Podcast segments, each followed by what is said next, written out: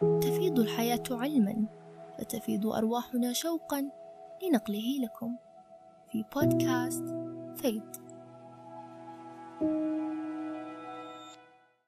إلى أبناء التسعينات إلى من يرون أن أبناء الثمانينات قد حققوا أهدافهم ويرون أبناء الألفين وصلوا إلى الشهرة والثروة. إلى من يرون أبناء الثمانينات أصبحوا آباء والألفين ارتبطوا بشركاء حياتهم بينما هم قابعون في المنتصف. لا إلى هؤلاء ولا إلى هؤلاء. إليكم نوجه حديثنا اليوم.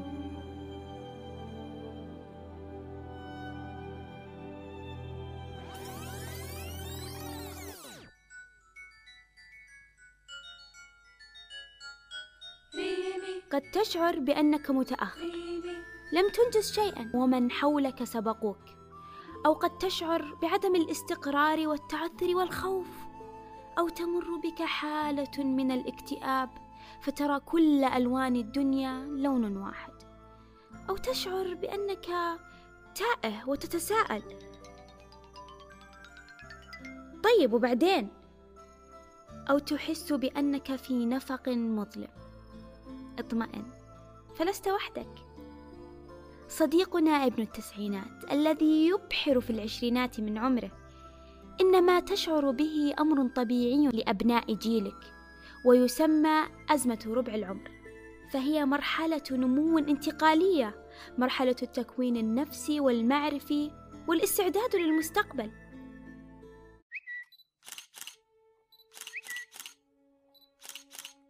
لا سيما مع مواقع التواصل الاجتماعي التي أتاحت الفرصة لبعض المراهقين والشباب ليصلوا للشهرة ويحققوا ثروة سريعة ومن ثم تقارن نفسك بهم أو تحاول ربط نمط حياتك بنمط حياتهم غير مقارنتك لحقيقة ما أنت عليه الآن وما كنت تتمنى وتحلم أن تكون عليه.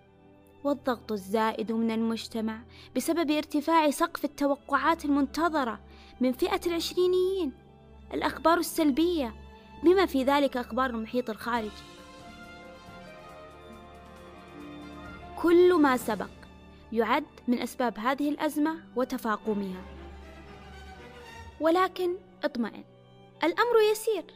سنمدك ببعض الأفكار التي نرجو أن تضيء لك الطريق. اولا إدراكك لطبيعة المرحلة وفهمها يعني أنك أمسكت بأول الخيط. يقول أوليفر روبنسون إياك أن تخشى التغيير فبحكم خبرتي أزمة ربع العمر هي فرصة لا تعوض للتغيير وعلى الجميع أن يغتنموا هذه الفرصة. ترتيب مهامك وأهدافك هو من الأمور المهمة للإنجاز. فلنجعل الضغوط سببا لتنظيم وقتنا وحياتنا لا للانعزال عن الحياة الاجتماعية والأسرية.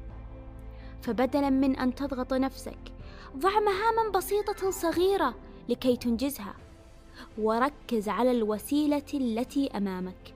بدلا من الهدف النهائي لأن الإنجازات الصغيرة ستوصلك للهدف الكبير بسهولة ودون ضغط. تقبل النقص. وحول رغبتك للوصول للكمال سواء في نفسك أو في عملك إلى تطوير مستمر لأن التطوير المستمر واقعي أكثر. والفشل بأمر صغير لن يجعلك تتعثر وتستسلم بل ستقف وتحاول من جديد. استمتع بلحظاتك لأنك إذا قضيت كل وقتك وأنت تفكر في الغد ستتجاوز العشرين من عمرك ثم تندم لأنك حرمت نفسك الكثير من الأشياء. ولا تقارن نفسك بالآخرين. ولا تحصر النجاح في مسار واحد. الطرق كثيرة وأرض الله واسعة. وفي نفس الوقت لا تبحث عن اختصارات وحلول سريعة سحرية. خذ وقتك. لست متاخرا. وتذكر ببطء لكن بثبات. أخيرا هون على نفسك.